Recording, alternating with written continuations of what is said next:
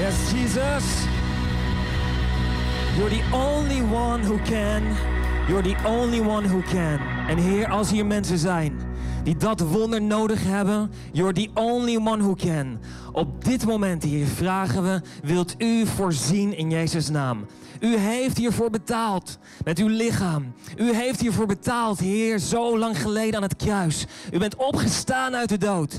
En die opstandingskracht is vrijgekomen voor ons allemaal. En degene die het zo nodig hebben op dit moment, of dat hier in de club is of thuis, you're the only one who can. Ontvang het in Jezus' naam. In Jezus' naam. Amen, amen, amen. Jullie zitten al. Wat goed. Heerlijk ontspannen. Ik hoop thuis ook dat je geniet van vandaag. En ehm, ik moet zeggen, ik geniet van de worship. Ik geniet van het hier samen zijn met elkaar. En ehm, ik hoop in elk geval, uh, val jij ook goed in elk geval dat je hier gekomen bent. Weet je, van zondagmorgen kan je zoveel andere dingen doen. Maar het is zo mooi dat je ervoor kiest om in Gods huis te zijn. Of ingetuned te zijn en mee te luisteren, mee te kijken. En te ontvangen wat God vandaag wil spreken, wat God je vandaag wil geven. En weet je, vandaag gaan we uh, aan een heel mooi thema beginnen. En de titel daarvan is Running with the Horses. En Running with the Horses ga ik straks uitleggen waar het precies over gaat. Maar we gaan het hebben over de eindtijd. We gaan het hebben over eindtijdachtige dingen. Een aantal mensen zullen er enthousiast van worden. Een aantal mensen die zullen iets hebben van... waar heb jij het nou weer over, Daniel? Is dat nodig? Moet dat nou? Nou weet je, we leven natuurlijk nu al meer dan een jaar in de coronapandemie. En je zult, ga ik eigenlijk vanuit, meer dan ooit om je heen gehoord hebben dat er mensen zijn van, hey, kan het zijn dat dit de eindtijd is? Kan het zijn dat dit misschien het eind van de tijd, of misschien het begin van het eind van de tijd? En ik weet, je kan je verklappen dat ze dat 100 jaar geleden was volgens mij de Spaanse griep, toen dachten ze dat ook. En er zijn heel veel voorspellingen geweest over, of mensen die uit hebben gerekend van wanneer komt Jezus terug? Wanneer is nou precies dat moment? Nou, we hebben heel veel van die momenten gemist. En we zijn nog steeds hier. De Bijbel spreekt ook over dat de tijd dat Jezus terugkomt, niemand die weet het. Alleen God de Vader. Maar wat ik wel weet is dat hij tot die tijd zoveel mogelijk mensen wil redden. Zoveel mogelijk mensen bij hem wil trekken. En vandaag wil ik met je duiken in wat zegt nou de wereld over het einde van de tijd. Weet je, er zijn heel veel theorieën over. Over uh, opname en over wanneer precies. En daar gaan we het vandaag niet over hebben. Vandaag gaan we het hebben over een bemoediging, over wat we uit de Bijbel kunnen halen. Hoe wij met elkaar om kunnen gaan in de sfeer en in het einde van de tijd. En ik wil beginnen met 1 Johannes 4, vers 2 tot 3, waar dit staat. Hieraan onderkent gij de geest Gods. Iedere geest die beleidt dat Jezus Christus in het vlees gekomen is, is uit God. En iedere geest die Jezus niet beleidt, is niet uit God. En dit is de geest van de antichrist, waarvan gij gehoord hebt dat hij komen zal en hij is nu reeds in de wereld. Jezus, in, in, hier 1 Johannes 4, vers 2 tot, tot 3 staat het. Dus zoveel jaar geleden, ongeveer 2000 jaar geleden, werd dit al uitgesproken. Dat de antichrist zal komen. Iets of iemand die zal opstaan en die zal zich tegen Christus, uh, zal, tegen Christus opstaan. Maar er staat hier tegelijkertijd dat de geest van deze antichrist al in de wereld is. Dat was toen al en dat is vandaag de dag nog steeds. De Bijbel spreekt over dat er een verdrukking zal komen.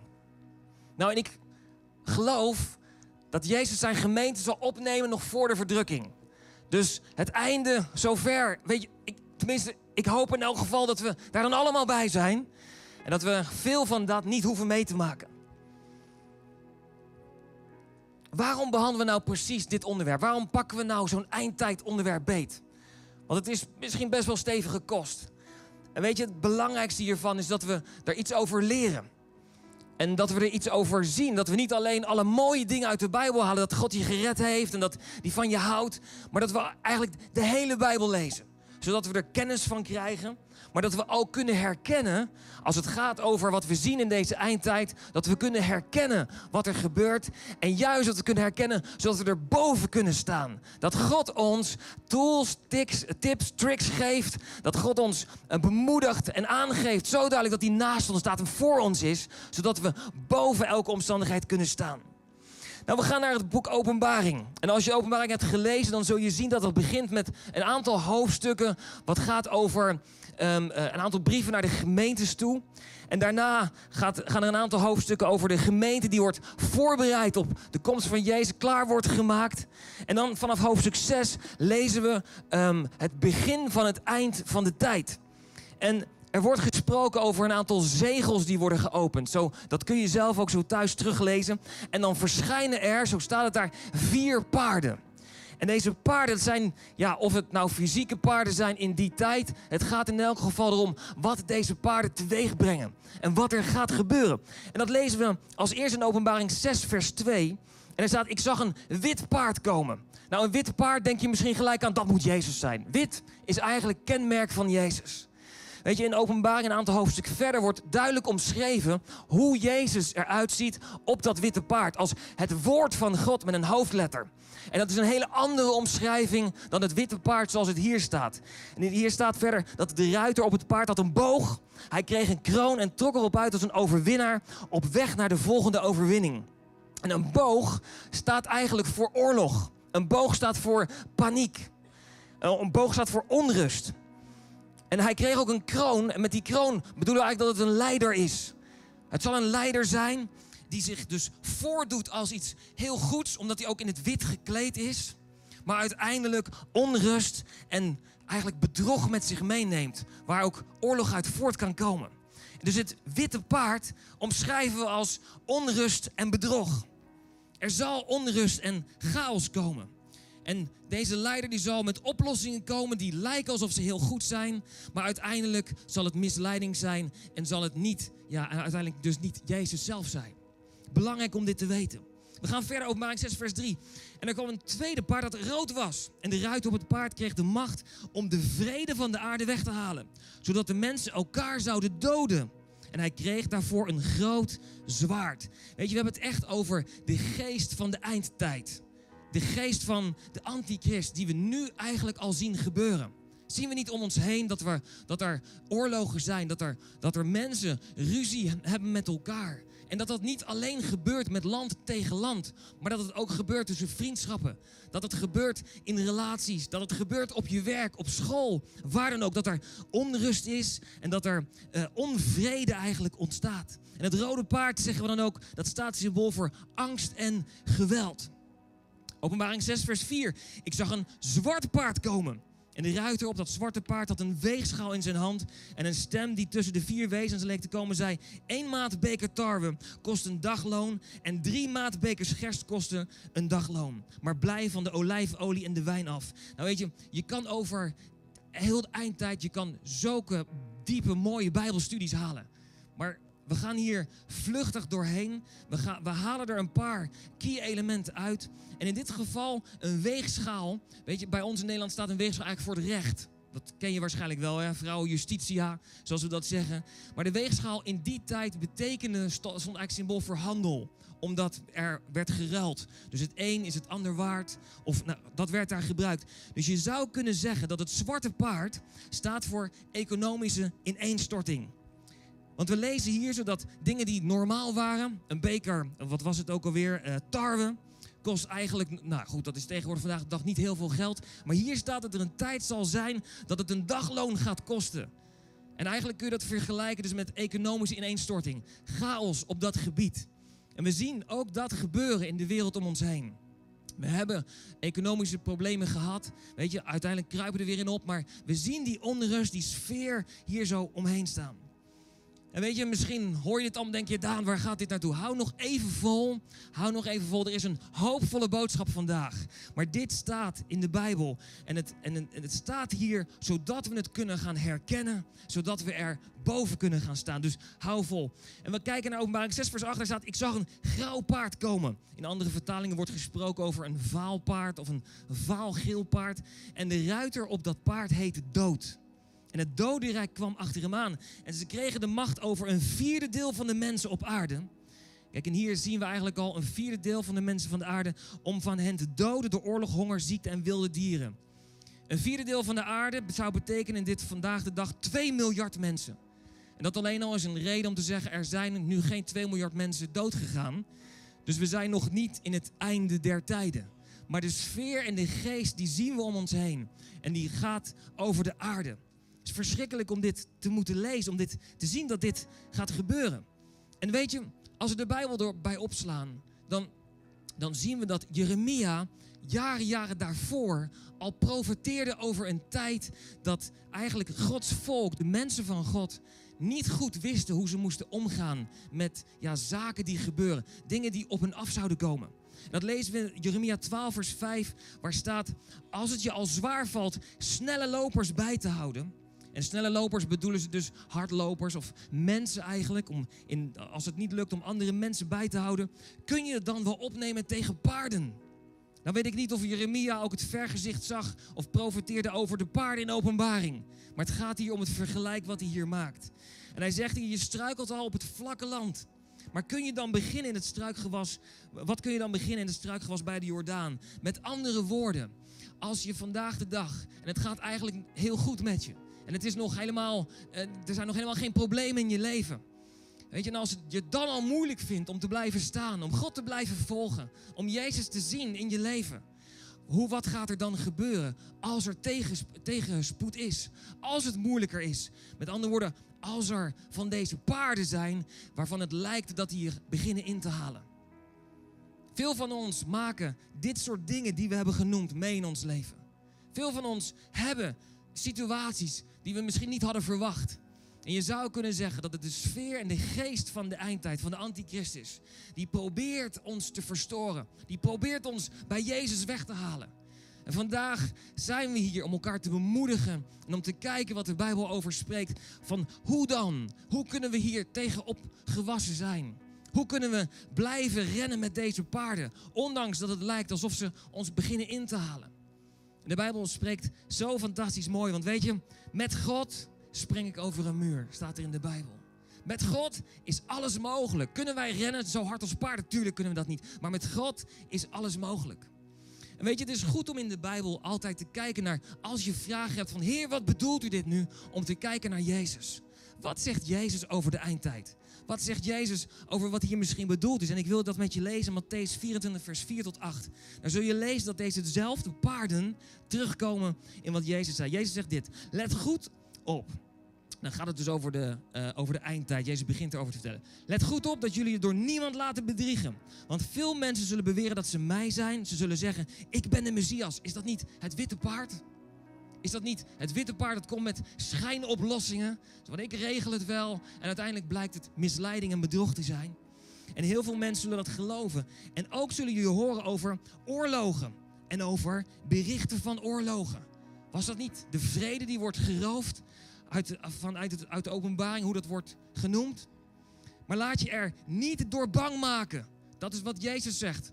Wat er ook gebeurt, laat je er niet door bang maken. Die dingen moeten gebeuren. Maar het is nog niet het einde, dat zegt hij hier.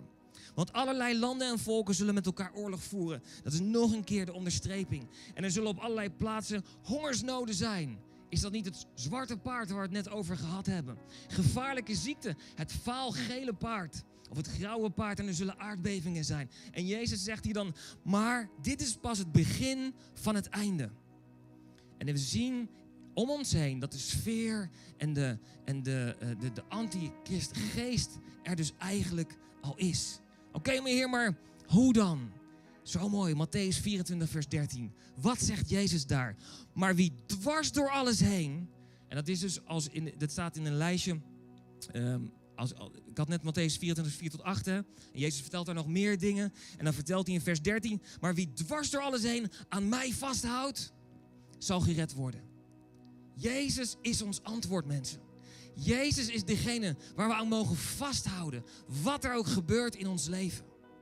Zo fantastisch mooi om dit hier te lezen. En dan zeggen, oké, maar hoe kan ik dan aan Jezus vasthouden? En dan gaan we een stap maken naar het Oude Testament. En weet je, misschien vraag je van het Oude Testament, daarom waarom Oude Testament? We hebben het toch helemaal over openbaring. Nou weet je, de Bijbel spreekt over dat veel dingen eerst in het natuurlijke zichtbaar zijn, voordat ze uh, een geestelijke realiteit worden.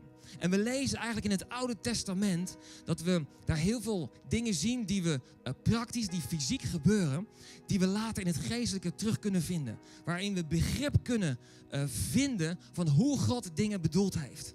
En ik ben zo enthousiast over hoe we eigenlijk steeds door de Bijbel heen het Nieuwe Testament terug kunnen verwijzen naar het Oude Testament. En het Oude Testament naar het Nieuwe Testament. En dat we Jezus al terugvinden in het Nieuwe Testament. En ik wil samen met je ontdekken vandaag, tenminste ik heb er uh, ja, wat, wat, wat ingedoken, dat we Jezus hier al in terugvinden in het Oude Testament over hoe we hiermee om kunnen gaan. En dat vinden we in nummer 2, vers 2. God gaf instructies hoe het volk Israël zich moest legeren. Hoe ze hun tent moesten opslaan. En het mooie hiervan is dat we, um, ja, we duiken daar even in in nummer 2 vers 2, daar staat dit. The people of Israel, dus dat is het volk Israël, they shall camp each by his own standard with the banners of their fathers. Banners, hou die even vast. Vorige week hebben we het gehad over raising a banner door aanbidding heen. En dan staat hier, the banner of their father's houses, and they shall camp facing the tent of meeting on every side. En dat is het eerste punt wat ik met je wil delen. Jezus, wil je tegen deze paarden opgewassen zijn? Wil je opgewassen zijn tegen wat er, wat er in de toekomst misschien gaat gebeuren of wat je misschien vandaag de dag ervaart? Misschien zeg je wat je zegt over die paarden, dat lijkt in mijn leven te zijn. Het lijkt alsof die paarden mij inhalen. Dit is wat je kunt doen. Het eerste is Jezus centraal zetten. Wat we zien is dat de tabernakel, dat is het huis van God, en dat was de plek waar Gods aanwezigheid was, moest in het midden geplaatst worden. En heel het volk Israël moest hun tenten eromheen plaatsen. En ze moesten kijken met hun gezicht naar de tent, naar de tabernakel, naar de, de, de, de plek, weet je, waar Gods aanwezigheid was. Ik vind het zo ontzettend mooi. Want we lezen in het Nieuwe Testament, in the center of this, Christ rules the church. Jezus is het centrum. En God vraagt ons om ons leven om Jezus heen te bouwen. En het tweede wat we hier uithalen is dat ze met hun gezicht naar Jezus moesten kijken. Dat ze met hun gezicht naar Gods aanwezigheid moesten kijken. En waar komt nou de vijand vandaan? Die komt niet vanuit het midden, de plek waar Jezus is. De vijand komt van achter. En we zijn vaak gewend om juist bang, weet je, te kijken naar achter van wat voor ellende er op ons afkomt. En dan misschien, nou uiteindelijk misschien te vluchten naar Jezus. Maar nee, God geeft hier instructies. Je moet niet eens kijken naar je vijand. Je moet niet eens kijken naar misschien paarden die met een hoop tromgeroffel jouw kant op probeert. Nee, kijk naar Jezus. Kijk naar, naar zijn aanwezigheid. En het mooie hierbij is ook dat we hier natuurlijk uit kunnen halen, weet je, Gods kerk, Gods gemeente. Gods aanwezig, de tabernakels, de, een, verwijzing ook naar Gods kerk in de toekomst. Waarbij we kunnen zeggen, wees betrokken, wees aanwezig, wees, weet je, wees deel van een kerk. En wees deel van zijn gemeente. En het tweede wat we hier uithalen is raise a banner. En vorige week hebben we daar al iets meer over gezegd. En je kunt het woord van vorige week teruglezen of terugluisteren. Dus ik ga er niet al te diep op in. Maar wat we hier lezen is dat um, God de opdracht geeft dat in het noorden, oosten, zuiden, westen, weet je, moest, uh, het Israël moest zich daar dus uh, plaatsen, de tenten moesten geplaatst worden. En ze moesten een banner neerzetten die hoorde bij hun, ja, hoe zeiden ze dat nou, their fathers houses. Dus wat bij hun stam hoorde. En we hebben geleerd vorige week in de worship dat op het moment als we God gaan aanbidden, dan is het alsof we we raise a, a banner, we raise een standard. En die banner, wat doet die banner precies? Die staat symbool voor, um, voor, voor God, die staat symbool voor Jezus. En deze banner, Jehovah Nissi, hebben we vorige week geleerd, die beschermt je. En die laat je weten opnieuw waar je bij hoort, zodat je gefocust kunt zijn op Hem. En zo, zo ontzettend belangrijk om dat in deze sleutels te pakken. Weet je, om deze worship toe te passen. En wat ik interessant vind in dit, en het gaat te ver om daar nu nog, nog verder op door te graven. Maar de symbolen die bij de stammen hoorden, die op de noorden, oosten, zuiden en het westen werden gebruikt. De symbolen die bij die stammen hoorden, die zijn een verwijzing naar Jezus. En een van de voorbeelden daarvan, je kunt er zelf verder dieper op ingaan, maar is bijvoorbeeld de stam Juda. Die was een van de aanvoerende stammen en die plaatste een banner. En het teken van Juda was een leeuw. En wie is de Lion of Judah? Dat is Jezus. Dus op het moment als er paarden op ons af lijken te komen, op het moment als die uitdaging er komt, weet je, kijk en focus op Jezus. Kijk, weet je, naar zijn aanwezigheid. En ga God aanbidden. Ga Jezus aanbidden. Daarmee, we raise a banner. En een banner die je zal beschermen. En Jezus zal bij je zijn. En dan kijken we heel even weer terug, helemaal naar het Nieuwe Testament. Wat deed nou de eerste gemeente? In de handelingen kunnen we dat lezen. Hoe kunnen we nou ja, eigenlijk dit toepassen zoals het Nieuwe Testament dat deed? En vaak zien we dat je een antidoot nodig hebt hè, om iets te kunnen opheffen. Dat als er iets gebeurt in je leven, dat we een antidoot moet, mogen toepassen. Wat het andere ongedaan maakt. En dat lezen we in Handelingen 2, vers 2, 42 tot 47. En we zien hier dus dat de gemeente een aantal dingen deed. Waar wat mij betreft sleutels zijn die ons kunnen helpen om tegen deze paarden die misschien in ons leven lijken te dreigen, daar tegen, tegenop te staan. En het eerste was dit. Ze bleven trouw aan wat de apostelen hun leerden. Ze bleven trouw aan wat de apostelen hun leerden. Dus waar het gaat over dat er wordt geprobeerd om misleiding te brengen in het leven, zien we hier dat ze trouw bleven aan, de, aan wat ze hun geleerd werd. Dat ze trouw zijn wat in de Bijbel staat. Dat ze trouw zijn aan wat Jezus hun heeft verteld. En ze gingen als een grote familie met elkaar om. We hadden net gehoord hè, over dat de vrede wordt weggenomen. Nee, wat deden zij? De eerste gemeente die ging als een grote familie met elkaar om. En verderop staat ook dat ze elke dag bij elkaar kwamen en dat ze één van hart en ziel waren. Maar we lezen verder in vers 42. Ze kwamen vaak samen voor de maaltijd. Wat is de maaltijd? Dat staat voor het avondmaal.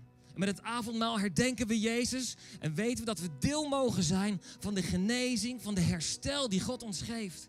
En het fale paard probeert ziekte en dood te brengen. En wat staat daar tegenover? Jezus staat daar tegenover. En wij mogen deel zijn door het avondmaal van zijn lichaam, waardoor we vrij mogen zijn van elke vloek, waardoor we vrij mogen zijn van ziekte. Jezus is het antwoord. En ze waren ook tijd, hadden tijd voor gebed. Iedereen was vol ontzag voor de wonderen en tekenen die de apostelen deden. En vers 44, de gelovigen deelden ook van alles met elkaar. Waar er economische ramp lijkt te zijn, zien we dat ze hier voor elkaar zorgden. Dus we zien dat de, dat, dat de eerste gemeente eigenlijk haaks op de sfeer en de geest van de antichrist, de geest van de eindtijd, um, zichzelf um, ontwikkelde en uh, eigenschappen aanleerden en toepasten die haakse staan op wat de vijand probeert te doen in hun leven. We lezen hier, elke dag kwamen ze in de tempel, vers 46, kwamen ze bijeen. En ze waren één van hart en ziel. En ze kwamen bij elkaar, heel, heel belangrijk. Ze aten bij elkaar thuis, blij en onbezorgd. Blij en onbezorgd. En dan vers 47, zij prezen God. They raised a banner. Ze plaatsten opnieuw, elke keer als ze bij elkaar waren, een banier. Waarin ze Jezus verhoogden. Waarin ze opnieuw, weet je, de focus op Hem legden. En Jehovah Nissi, hij is degene die een banner plaatst en jou beschermt. Volgende keer, als ik hier verder over ga over het onderwerp, dan ga ik met je kijken naar Thessalonicense, waar Paulus ook spreekt over de eindtijd. Waarbij er een soort eindtijd checklist komt die je voor jezelf kan toepassen. Maar ik vond het zo belangrijk om eerst met je in te zoomen op dit onderwerp. Waar vinden we Jezus in dit alles? Jezus is ons antwoord in alles. Jezus is ons antwoord en degene die je nodig hebt. En ik wil afsluiten door je te vragen: ken jij Jezus? Heb jij Jezus al in je leven aangenomen? We hebben net geleerd dat Hij het antwoord is op wat er ook gebeurt in ons leven. En als het lijkt dat er situaties zijn die ons over, overmeesteren. Als het lijkt alsof er paarden zijn die ons proberen in te halen. Dat we zeggen, het lukt niet meer, ik zie het niet meer zitten. Dit is, misschien wil je ook wel opgeven. We hebben geleerd hier dat Jezus al in het Oude Testament werd genoemd als het antwoord op waar we naar op zoek zijn. Dat Jezus ons anker is waar we mogen vasthouden. Dat Jezus onze reddingsboei is. Dat Hij degene is die het voor je opneemt. Dat Hij degene is die voor je strijdt en die je beschermt. Belangrijk is dat we Jezus centraal in ons leven zetten. Dat we onze focus van onze problemen en onze issues afhalen. En dat we kijken naar Jezus. En Hem centraal zetten. Misschien is dat in jouw leven nog niet zo. En voel je en ervaar je dat het misschien jouw moment is om dat vandaag te doen. En om te zeggen van, hé, hey, als dan dat waar is, als die eindtijd, misschien ervaar je iets van wat ik heb gesproken. Dan kom je tot de ontdekking dat je Jezus in jouw leven moet betrekken en Hem op nummer 1 moet zetten. Als dat zo is, wil ik je bemoedigen om dat vandaag te doen. En dat niet langer uit te stellen. Maar misschien ben je hier en heb je dit gehoord en zeg je, ja Daan, ik hoor dit en ik weet eigenlijk niet zeker of ik, ja, of het wel goed is tussen mij en Jezus. Je hebt misschien Jezus wel gekend, je kent Jezus misschien nog steeds, maar je merkt dat je Hem niet centraal hebt gezet. Dat je het probeert zelf op te lossen, misschien ben je teleurgesteld geraakt. Misschien is jouw moment om vandaag Jezus opnieuw centraal in je leven te zetten. Op nummer 1. Hem te vertrouwen, aan Hem vast te houden, Hem voor je te laten vechten. Hem voor je te laten strijden, waar je ook doorheen gaat. ik geloof dat misschien vandaag jouw moment kan zijn. En ik wil je uitnodigen om je hart te onderzoeken, ook online thuis als je meekijkt of misschien later in de week terugluistert. Misschien is jouw moment om die keuze heel bewust te maken. En Jezus te vragen in je leven. En Hem op nummer 1 te zetten. Hem centraal in je leven te zetten. En als jij dat bent, of je hier in de club bent of thuis of online meeluistert. Ik wil zo heel graag een gebed uitspreken dat je gewoon zachtjes mee kan bidden. Je hoeft niet naar voren te komen, je hoeft geen hand op te steken. Gewoon op de plek waar je bent. Ik vraag aan iedereen of je je ogen wil sluiten voor een moment. Doorzoek je hart. Vraag bij jezelf, ben ik oké met God? Heb ik Jezus centraal in mijn leven? En als dat niet zo is, als jij die keuze wil maken, wil ik je bemoedigen om die keuze te maken op dit moment. Jezus is hier. Jezus reikt uit naar jou. Hij zegt, welkom thuis, lieve zoon, lieve dochter.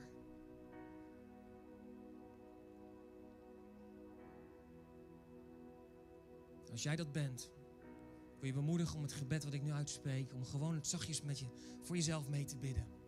Laat dit jouw moment zijn en zeg gewoon samen met mij, lieve Jezus, dank u voor vandaag. Dit is mijn moment. Ik kom tot ontdekking dat ik u nodig heb. Ik heb u lang niet centraal geplaatst, maar nu wil ik dat doen. Ik begrijp misschien niet alles, maar ik heb u nodig. Vergeef mijn fouten, red mij en help mij vanaf vandaag opnieuw te beginnen, samen met u. Help mij uw plan voor mijn leven te ontdekken, want met u wordt alles beter. Vanaf vandaag bent u mijn leider, mijn redder en mijn beste vriend. In Jezus' naam. Amen. Hey, zullen een applaus geven voor iedereen die deze keuze gemaakt heeft? Zo fantastisch mooi. Ook online. En ik weet zeker dat het je bemoedigt. En ik weet zeker dat God beweegt op dit moment. En als je deze keuze hebt gemaakt, wij zijn trots op je. Maar in de hemel is het feest. Het is hier heerlijk gezellig en helemaal in de sfeer. Maar de Bijbel spreekt dat iedereen die een keuze maakt, het is feest in de hemel. En weet je, als je de keuze gemaakt hebt en je zegt, ik wil heel graag een gebed. Ik wil heel graag nog ja, dat iemand voor me bidt om het misschien nog een keer extra te bekrachtigen. Dan kan je dat straks doen door naar de prayer zone te gaan. We willen heel graag voor je bidden. Heb je nog geen Bijbel, dan krijg je die ook van ons. En ook online. Als je een keuze hebt gemaakt, laat het ons weten door op de link onder de video te klikken. En uh, ja, we willen heel graag kijken wat we voor je kunnen doen. Ook een Bijbel, als je die nog niet hebt, dan krijg je die van ons. Hey, dankjewel. Ik hoop dat ondanks het stevige onderwerp, dat het je bemoedigt. Dat we steeds weer terugzien dat in alles dat we Jezus nodig hebben. Amen.